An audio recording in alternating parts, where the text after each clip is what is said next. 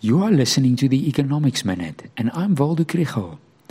The collapse of a bank in the US, which few of us ever heard of before last week, is messing with stock markets and bank stocks all over the world. What caused this, and what does it have to do with Capitec, for example? This episode is supported by Jenwil Financial Advisory Services and the NWU Business School. Silicon Valley Bank was the 16th largest bank in the US, and last week's run was the second largest in US history. SVB announced last week that they had sold US treasuries and mortgage backed securities at a loss of $1.8 billion. Investors then withdrew 42 billion and by Friday SVB was illiquid and insolvent and regulators shut it down. The crisis came from two sides.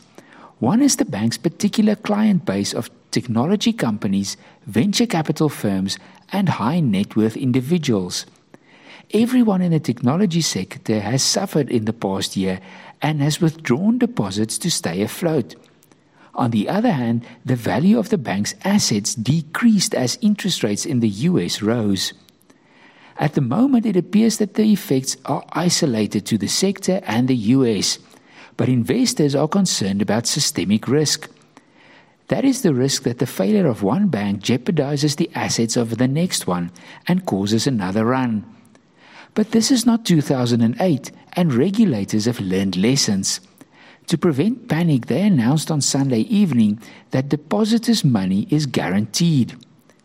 So, why are bank shares falling on the JSE?